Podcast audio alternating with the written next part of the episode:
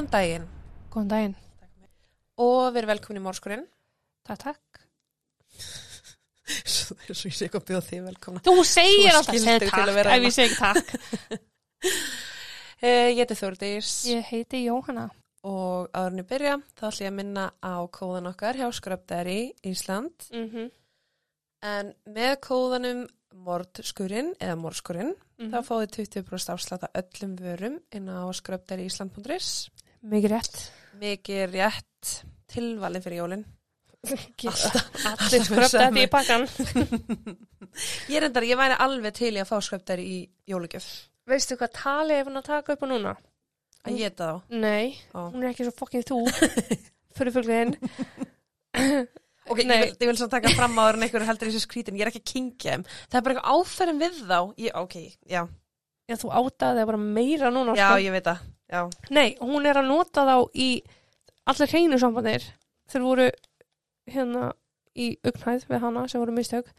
En ég held að sem þrjá samba í sturtunni. Og hvað er hann að gera? þrýfa sturtugleiri mitt þannig að svona 85 cm upp er reynd alltaf ok, það er þetta geggjað. Hún má alveg koma og fyrir bað hjá mér. og ég ætla bara að vinda mér beint í málið. mm -hmm. Sharon uh, Faye Smith, eða Shari, ok, fættist þann 25. júni ár 1967 en foreldra hennar voru Hilda og Robert Smith og byggu þau í Kolumbíu í Suður Karolínu. Kólumbi í, ok Já. Shari var miðbarn þeirra hjóna en eldri sýsternar hétt Dawn og yngri bróðurnar Robert en hann hétt í höfuðið á föðu þeirra. Fjölskyldan var mjög samheldin og ástrík og voru þau mjög virk í samfélaginu, félagslífinu sem og í kirkjunu sinni. mm.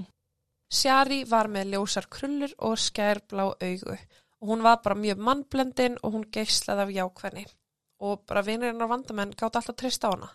Svo Já. bara rosa ljúf og góð og bara, þú erst talað fullar á konu, eða ekki? nei, nei, ok, uh, hún er 18 ára. já, ok Já. Þann 31. mæ ár 1985 hafði 18 ára Shari eitt deginum í sundlegapartí með vinnu sinum. Klukkan 15.38 mætti hún aftur heim til sín á Platt Springs Road í Lexington, þar sem að fjölskyldan bjó. mm. Innkerslan að heimilinu hennar var um 200 metrar löng og lág sér satt frá þjóðveginum að heimili fjölskyldunar. Þannig að þetta er alveg svona þetta er 200 metrar upp á húsinu. ok, Við enda innkerslunar var svo postkassi fjölskyldunar staðsettur. Það var þarna sem að faðurinn að leita út úr gluggan á skrifstofunni sinni og sá dóttir sinna beigja inn að heimriðinni. Hann bjóst við henni rétt á eftir en þegar um tíu mínútur voru liðnar og ekkert bólaði á henni þá leit hann aftur út um gluggan. Bílinn hennar satt við enda heimriðarinnar við hlið postkassans. postkassans. bíllinn Honum þótti það mjög skríti hvaða væri uh, sem var að taka hana svona langan tíma að koma sér inn þannig að hann hoppaði upp í bíl og ákvað að keira á mótinni. ok, Þú veist, þetta er alveg það að þú keirir frekar hann að ganga. Þegar hann kom að postkassanum þá var Sjari hvergi sjáaleg. Það voru fótspor frá hurð aukumannsmegin að postkassanum og nokkur bref lágu á jörðinni við hliðans.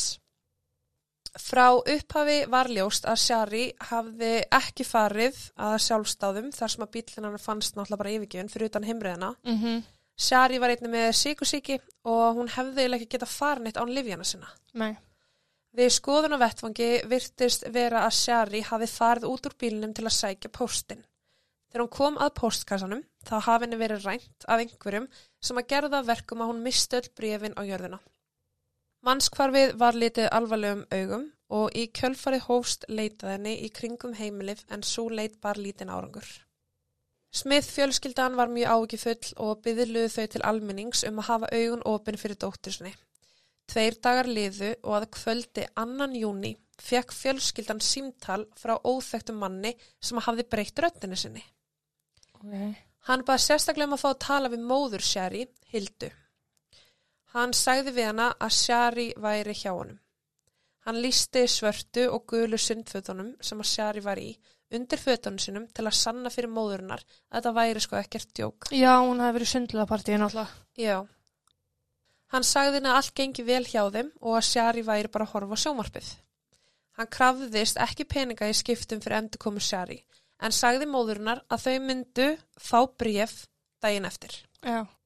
Rannsóknumenn röktu símtalið í um 20 km frá heimilinu en tíminn var alls ekki að vinna með þeim. Þegar er gátu loksis fyndi nákvæma staðsendingum þá var maðurinn löngu búin að láta sig hverfa frá þeim stað. Já. Rannsóknarlauruglan kom á Lexington pósthúsið morgunin eftir og fór í gegnum póstinn sem að hafði borist pósthúsinu þann dag. Mm. Þeir fundu vissulega bref sem að stílað var á smið hjónin. Brefið sem var að lengt og skrifað á gulan pappir var með ríthönd sjari. Ok. Efist á blaðinu hafði hún skrifað Last Will and Testament. Fjandinn. Nokkur sinnum í gegnum skrifin lagði Shari áherslu á það við fjölskyldu sína hversu mikið hún elskaði þau. Hún sagði þeim að þau ættu ekki að láta þetta eðalega lífsitt. Og það óhugnarlegasta var beðin hennar um að fá lokaða kistu við útför sína. Eins og hún vissi bara í hvað standi. Já, hún náttúrulega er að skrifa þetta uh, við hliðin á manninum Já. eða konunni sem var reyndinni. Mm. Fóreldrar hennar mættu á posthúsið og var pappinar fyrstur til að lesa brefið. Hann var niðurbrotin en neitaði að gefa upp vonina að dótti sín myndi skila sér örug heim. Það sem hann óttaðist hvað mest var að segja konunni sinni frá þessu sem að stóði í brefinu. Brefið var að lokum sendt á rannsóknastofu í Söður Karolínu til að skoða bara lífsinni, fingraför, handför uh, sem og bara stafsendingu, rítönd og allt. Á meðan beði var eftir niðurstöðum barst fjölskyldinni annað símtal. Sama bjagaða röddin var á hinum endanum. Maðurinn spurði Hildu hvort að þau hefði fengið brefið og hún sagði já. Þá spurði hann hvort Hilda trúðunum en hún sagði að hún væri ekki alveg viss þar sem hún hafði hvorki heyrt í dóttursinni síðana.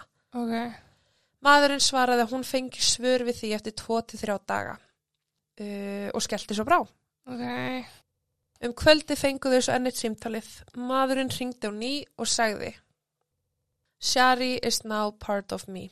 Physically, mentally, emotionally, spirit, spiritually, our souls are now one. Já, sérst bara að Shari er partur af mér á allan hátt, andlega, líkamlega og allt Mm og sálir okkar eru einn. Ræningi Sjari, hver sem hann var, virtist hafa mjög gaman að því að kvelja fjölskylduna en það benti til þess að þetta væri einhver sem að væri bara ekki með stjórn á lífi sinu og stjórn á því sem að væri að gerast í kringum hann. -hmm. Líklega var hann að gera sér upp eitthvað óraunverulegan heim sem hann vildi búi í, mögulega var hann óanaður í starfi eða illa stattur fjárhagslega. Og það er næstum örugt að hann hafi ekki verið heppin í ástum og hann hafi líklega fengið margar hafnanir í gegnum tíðina. Mm. Og þetta er bara svona prófíl sem að þeir voru að setja saman. Já. Smith fjölskyldan fekk síðan enn eitt símtalið þann 4. júni. Að þessu sinni svaraði sýstirinnar símanum og jú, maðurinn ringd á ný.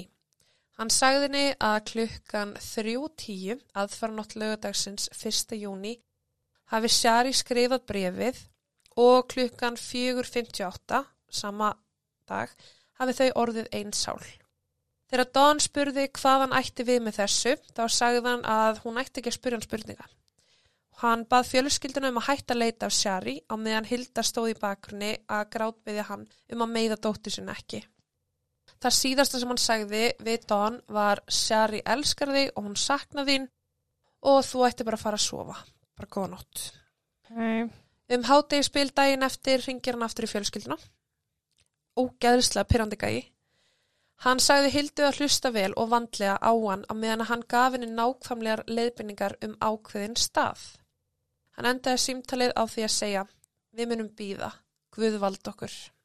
Oh my god. Lauruglumenn fylgdu leiðbynningum hans en þeir höfðu áður banna fjölskyldunni að koma með. Væntanlega. Þeir veit ekkert hvað þeir eru að fara að ganga Já, úti. Það sem að þeir fundu staðfesti versta óta allra.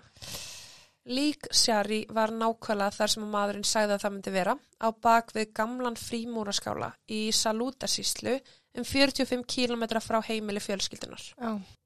Krupning leiti ljós að Shari hafði verið látin í um fjóra daga og að hún hafi verið drepin um 12 klukkutímum eftir að henni var rænt. Já. Það var ekkert að fá niðurstöðu vanandi dánarórsök en leifar af límbandi á andliti Shari benti til þess að hún hafi látist vegna köpnunar. Mm. Það sést bara teipað fyrir öndunarveginn. Oh. Hluti af hári hennar hafði ripnað af þegar límbandi var tekið uh, sem að gaf rannsóna lörglunni vísbendingar um að maðurinn vissi nákvæmlega hvað hann var að gera með því að skilja ekki eftir fingrafur, Já. skilja ekki eftir límbandi. Vegna þess hver langan tíma lík Shari dvaldi utandira fundust engin lífsili, lífsýni. Það var einnig ekki hægt að finna út hvort hann hafi orðið fyrir kynfyrirslu ofbeldi eða ekki. Þegar maðurinn sagði síman að þau Shari hafi orðið einn sál klukkan 4.58, hann að aðfara nótt Mhm. aðfarnóttina, þá var gert ráð fyrir því að það hafi í raun verið dánar tími hennar. Ok. Þú veist, svo voru linir látin í fjóru daga. Mhm. FBI, fulltrúarnir John og Ron útbyggu ítarlega persónugreiningu á morðingja Shari. Þeir sögðu að hann væri mjög skipulaður morðingi sem að hafði planað þetta í eitthvað tíma og planað þetta vel. Samkvæmt uh, þeirra greiningu þá var hann ungur, seint á tvítugsaldri eða snemma á þrítugsaldri. Hann var hvítur, uh, hann var svolítið svona heimilislegur, bara svona, þú veist, bara Mhm. fitta inn í samfélagi svo allir aðrir, mjög Já. venjulegur og var í yfirþyngd.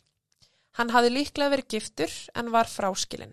Hann var yfir meðalgrind með þekkingu á uh, rafindatækni Ok. í ljósi þess að hann hafði breytt röttu sinni fyrir símtölin. Já. Hann var ekki kvatvís og hann var ekki líklegur til að taka áhættu. Með því að hlusta á upptökurnar frá símtölunum sem hann hafði hringt í fjölskylduna, þá voru þeir samfærðir um að hann var að lesa upp handrit sem að hann hafði fyrirfram skrifað áður en hann hringdi. En hann hafði nokkur sem mismælt sig og byrjaði þá bara setningun upp á nýtt með því að byrja nákvæmlega sem orðunum. Ok. Uh, John og Ron komast að þeirri niðurstöðum að þetta væri ekki auðvelt fyrir hann og að öllum líkindum myndi hann drepa á ný ef hann fengi tækifæri til. Hann vildi sérst bara stjórn einhverju og vildi hafa vald til þess að ráða yfir öðrum. Já. Hvernig ósköpunum komast alveg fulltrúar að því hvort maður sé yfirtingt eða ekki. Ángríns og þetta er sko sama með í Delphi Já. málinu að nú eru þeir búin að handtaka mann Mhm. og þeir sögðu til dæmis að maðurinn hafi væri meðal þeirra hann væri að skipta sér að rannsókninni Já, hann væri, veist, blanda sér í alltaf það er nákvæmlega sem að maðurinn Það er til gerði mynd af honum á fréttafundi Aha. fljótlega eftir. Fremsti maðurinn, sko. Aha. Sitjandi á gólfinu, bara chilla. þú veist, þetta er bara, þetta er ótrúlega hvernig er, hvernig er vita þetta Já. þú veist, að því að þú finnur lík eða finnur lík og Mhm. hvernig getur þú sagt til um að hann er meðal okkar íbúa og býr með okkur Skilja ekki. eða þetta er bara eitthvað maður sem kom eða þú veist, þetta, er svona, Mhm. þetta er ótrúlegt sko. en eftir að lík Shari fannst þá var morðingjarnar ekki alveg búin að kvelja fjölskyldin á nóg hún fannst sérstaklega gaman að því að tala í síman við þau þá aðalega Dawn, systur Shari þann 7. júni ringdi hann því aftur heim til þeirra og Dawn svaraði símanum Og kannski full heimilslegu núna. Hann sagði henni að hann var að spája að gefa sér fram en væri að íhuga það að drepa sér í staðin. Hann bað hana fyrirkefningar og stundum ruggla hann saman Dawn og Shari. Þannig að hann var stundum að kalla hana Shari. Mm. Hann sagði meðal annars að allt hafi farið úr böndunum og að allt sem hann vildi var að elska Dawn. Já. Og þegar Dawn leiður þann, þá sagði hann, já auðvitað ég meina Shari. Þannig að Dawn er alveg náttúrulega líka bara skítrætt þarna. Já. Hann úrskýri fyrir henni að hann hafi leift Shari að taka sínar eigin ákvarðanir varðandi döðinar og var því að reyna réttlæta gjörði sínar. Hann saði henni frá því að hann hafi leift henni að velja hvenar hún myndi deyja og gaf henni einni valum hvort að hún vildi deyja með skotsári, ofskömmtum livja eða vegna köpnunar. Hún valdi síðasta kostin svo hann vafði límbandum höfuð hennar og þannig lest hún fyrir framann hann. Hann sagði henni að Guð hafi þá verið reyðbúin að taka við henni og eftir þetta þá hættu símtölin alfarið. Tveimur vikum eftir að Shari var rænt fyrir utan heimili sitt þá sló morðingin til á ný. Að þessu sinni rændi hann nýju ára. Hættu Þórdís, Kari, ég get ekki meira ógislega mál í dag. Debru May Helmik úr garðinum heima hjá sér ok. í Richland síslu um 38 km frá heimili Smith fjölskyldunar. Það var um hábjartan dag og Debra var mjög lík Shari. Hún var ljósærð og bláið. Þó að það hafi verið aldursmunur. Hún hafi verið að leika sér í garðinu með yngri sískinum sínum og faðirinnar var heima en hann var ekki stattur út á verund með börnunum á þessum tíma. Alltaf svo les. Það er alltaf svo leys. Það er alltaf hundur sem finnur lík og það er alltaf börnur reynd og garði. Aha. Þegar að einhver bræður sér frá í fimm sekundur. Akkurat. Rétt eins og með Shari, þá var Debra þarna í eina sekunduna og hina var hún horfin. Það voru linir átta dagar frá síðasta símtali uh, hans til smið fjölskyldunar þegar Debra kvarf. Ok.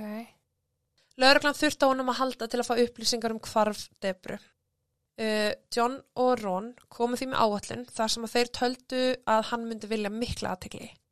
Þeir töldu að þeir getu mögulega náðunum út með því að halda minningaratöfn í kirkjugarnum Mm. þar sem að Don var í aðal hlutverki en það virtist sem honum þætti væntum hana. Já. Hann myndi líklegast fylgjast með fréttum og skoða vel og vandlega allar þær fréttir sem að tengdust Shari og Don á meðan að hann klappaði sjálfur sér á baki fyrir að hafa komist upp með verknæðin. Oh. Ef fjölmiðlar myndi gera nógu stóra sögu úr minningaratöfninni, þá myndi hann líklega mæta til að sjá hvað hann hafði áorkað. Fjölmiðla umfjöllunin var því mikil og almenningur kom víða frá til þess að styðja við bakið á Smith fjölskyldinni. Mm. Að fyrirmælum John þá tók Dawn með sér bangsa sem að Shari hafði átt til að leggja við gröf sýstu sinnar. Ef morðingi Shari mætti kirkuna þá myndi hann sjá Dawn með bangsan og mögulega ákveða að taka hann með sér sem minnjagripp. Bangsan. Já, hann að Shari. Sniðugt. Þeir stóðu því nálægt og fylgdust með en ekkert bólaði á manninum. Rétt eftir miðnætti þann 23. júni fekk fjölskyldan annað símtal. Þrátt fyrir að hann hafi ekki mætt á minningaratöfuna sjálfur þá vakt hún aðtiglans. Dawn svaraði símanum og auðvitað vildi hún ekkert tala við hann Nei. en henni fannst það mikilvægt til þess að finna út hver þetta var sem að draf sýstu sinna. Mm Eins og hann hafi gert nokkur sem áður þá talaði hann um Guð í samtalinu. Honu fannst mjög ánægilegt að tala um Guð og honu fannst hann sjálfur uh, í raun bara að vera ósnertalegur þar sem að hann var ekki lengur að breyta röddinu sinni. Ok. Það fyrsta sem hann sagði við Dawn var Guð vill að þú gangi til liðs við Shari Fey. Hann sagði síðan að það væri, að, að það væri aðeins tímaspyrsmál og að það væri gett að vernda hann að eilifi. Hann breytti síðan umræðu efninu og spurði Dawn hvort hún hafi heyrt um Debru May Helmik. Mm. Í fyrstu myndi hún ekki eftir því en fattaði svo að hann var meina litlu stelpuna sem að rænt var sest, í uh, nærliggjandi síslu. Hlustaði vel, sagðan, og hjælt áfram að seginni leiðbynningar á stað, rétt eins og hann hafi gefið hildu leiðbynningar varandi það hvar Shari var niðurkomin. Hann endaði svo símtala á því að segja Debra is waiting, God forgive us all. Þetta var eins og Deja Vu fyrir rannsóknulörglumenn. Þeir fylgdu leiðbynningunum sem hann hafi gefið og vissulega lág líka með Debru rétt fyrir utan malaveg Fjandinn. innan um þygt gróður. Morðingi Shari og Debru nöyð þess að hafa yfirvaldið. Mm. Niðurstað úr réttaransókn brefsins sem að fjölskylda Shari hafði fengið sendt var loksis komin. Brefið var skrifað á svona blokk sem rífublaðið af. Um, notað var rafstöðu eiginleika tæki á brefið til að greina hvað hafði staðið undir sérst á blokkinni en þar var listi yfir nöfn og símanúmer. Þannig að hann hefur sérst notað eitthvað undir, tekið sem brefið sett ofan á og byrjað að skrifa brefið Mhm. og þá getur svona fundið út hvað stóð Já. undir já.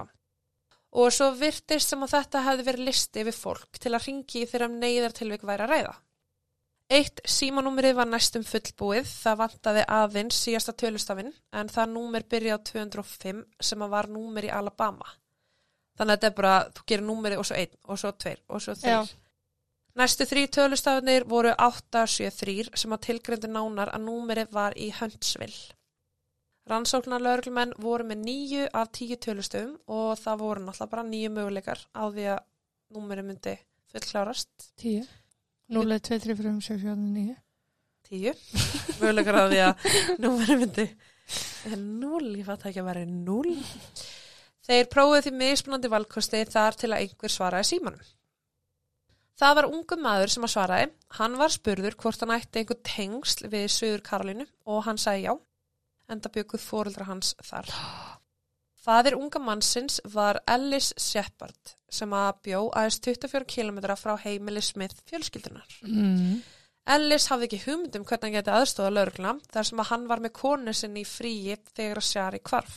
Já. Lögreglan ákvaða að spila fyrir hann upptöku af röddmannsins frá símtalinu og Ellis þekkti röddina strax.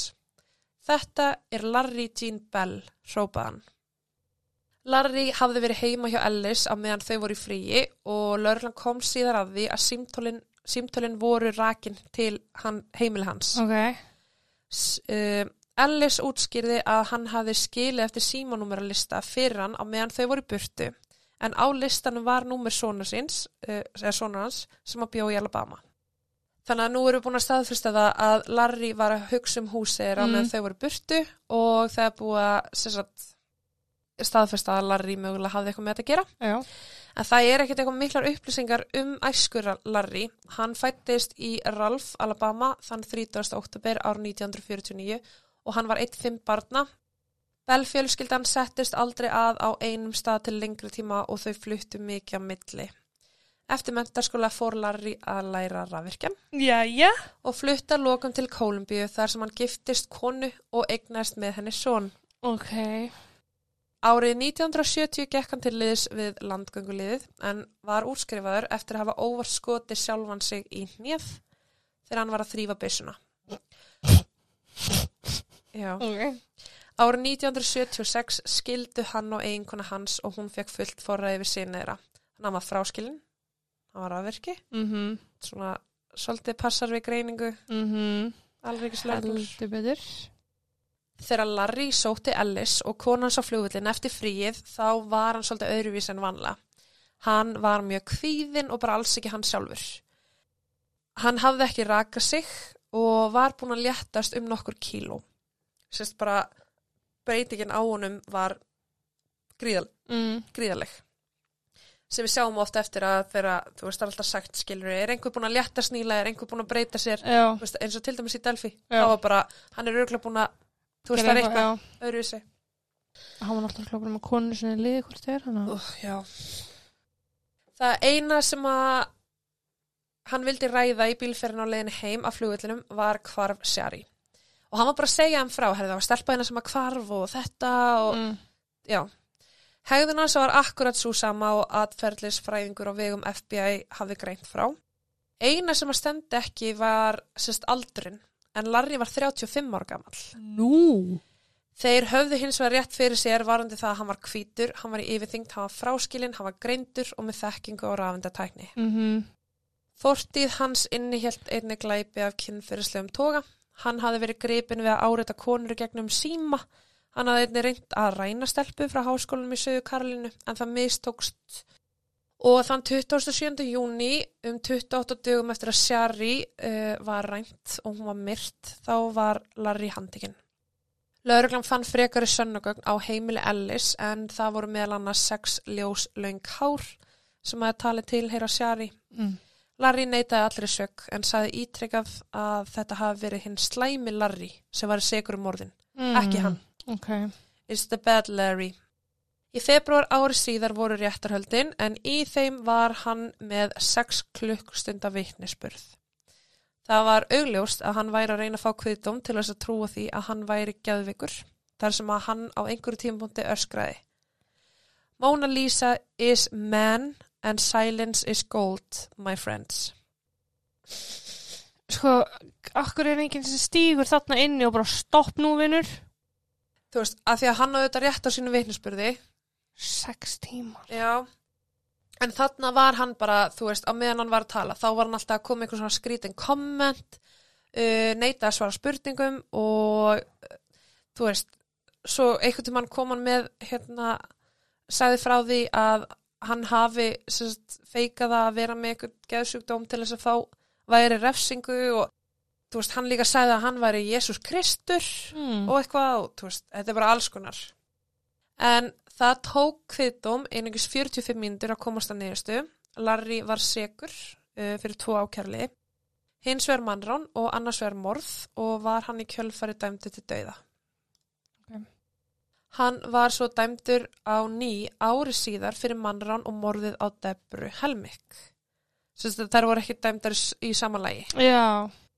Kviðdómur kom með sömu niðurstöðu þar, Larry var segur og hann fekk að velja á milli þess að vera tekin af lífi með sprautu, bannvændi sprautu, eða ramagstól og hann valdi stólinn. Oh, Já, Ramax perrin sjálfur. uh Það var ekki einungis fjölskyldar Shari og Debru sem að voru þjást heldur allt samfélagið. Áhyggjufullir fóreldrar voru á Varðbergi varandi börni sín og lítið var um að nemyndur gengu einir heim eftir skóla. Mm. þú veist, jafnvel eftir að Larry var handtekinn, þá var bara svo mikil óttið til staðar. Já. Þann 4. óttabir ára 96 eða 10 árum síðar þá lést hinn 46 ára Larry í hljóðlátu umhverfi í ramagstólnum í Suður Karolínu. Í hljóðlátt umhverju í Ramhustól. Já, það, veist, það var alveg þögnan og hann fekk bara, Já. hann, þú veist, allir megi, nei, gæ, Ætlaði með ykkur á, á staðnum. nei, þú veist, allir megi henda á Spotify eitthvað lag. Hvað, Burn Baby Burn? eða? Ég veit það ekki. ég veit það ekki. En hann átti engin lokorð uh, áður en hann dróð síðasta andadráttin. Larry er síðan grunnaður aðili í máli tveggja kvenna. Mm. Það er hinn 26 ára Sandy Elaine Cornett og 21 ás Denise Newsom Ports en báðar konurnar hurfu frá Charlotte í norður Karolínu. Þannig að þetta er törúlegast, líklegast að raðmóringi. Um, já, Mögulega, jafnvel. Sandy var trúlofuð vinnufélaga Larry og þau hefði einnig hist við einhver tækifæri en það sá síðast til hennar í nóvumber árið 1984. Á þeim tíma sem hún hvarf þá var hún að vinna sem, módel og hún ætlaði að giftast unnusta sínum í april árið 1985. Sandy sá síðast klukkan 18.30 uh, heima á sér eftir að hafa borða kvöldmat með unnusta sínum. Unnustennar óg síðan til Greenville í Söðu Karlinu og reyndi að ringi hana setna um kvöldið en fekk ekki svar. Þegar hún mætti ekki til vinnu daginn eftir var bara strax tilkynnt hana týnda Já. af nágrunum sínum. Á heimilennar voru engi merki um innbrot eða átök og það var samt það var samt þannig að vasabókin hennar uh, hún lág á rúmun hennar það var kveikt á sjónunu og húsleiklar aukskirtinni og tjekkahefti lágu í lágu bara um hana á viðdreif Já, það voru þrý hlutir sem að fundist ekki. Það var joggingbúningurinn hennar sem hún var líklegast í. En hún er sérst joggingallinn Ég ætla að segja joggingbúningur. Já, já mm. Mm. uh, og hraðbankakortið hennar sem að hún notaði alltaf.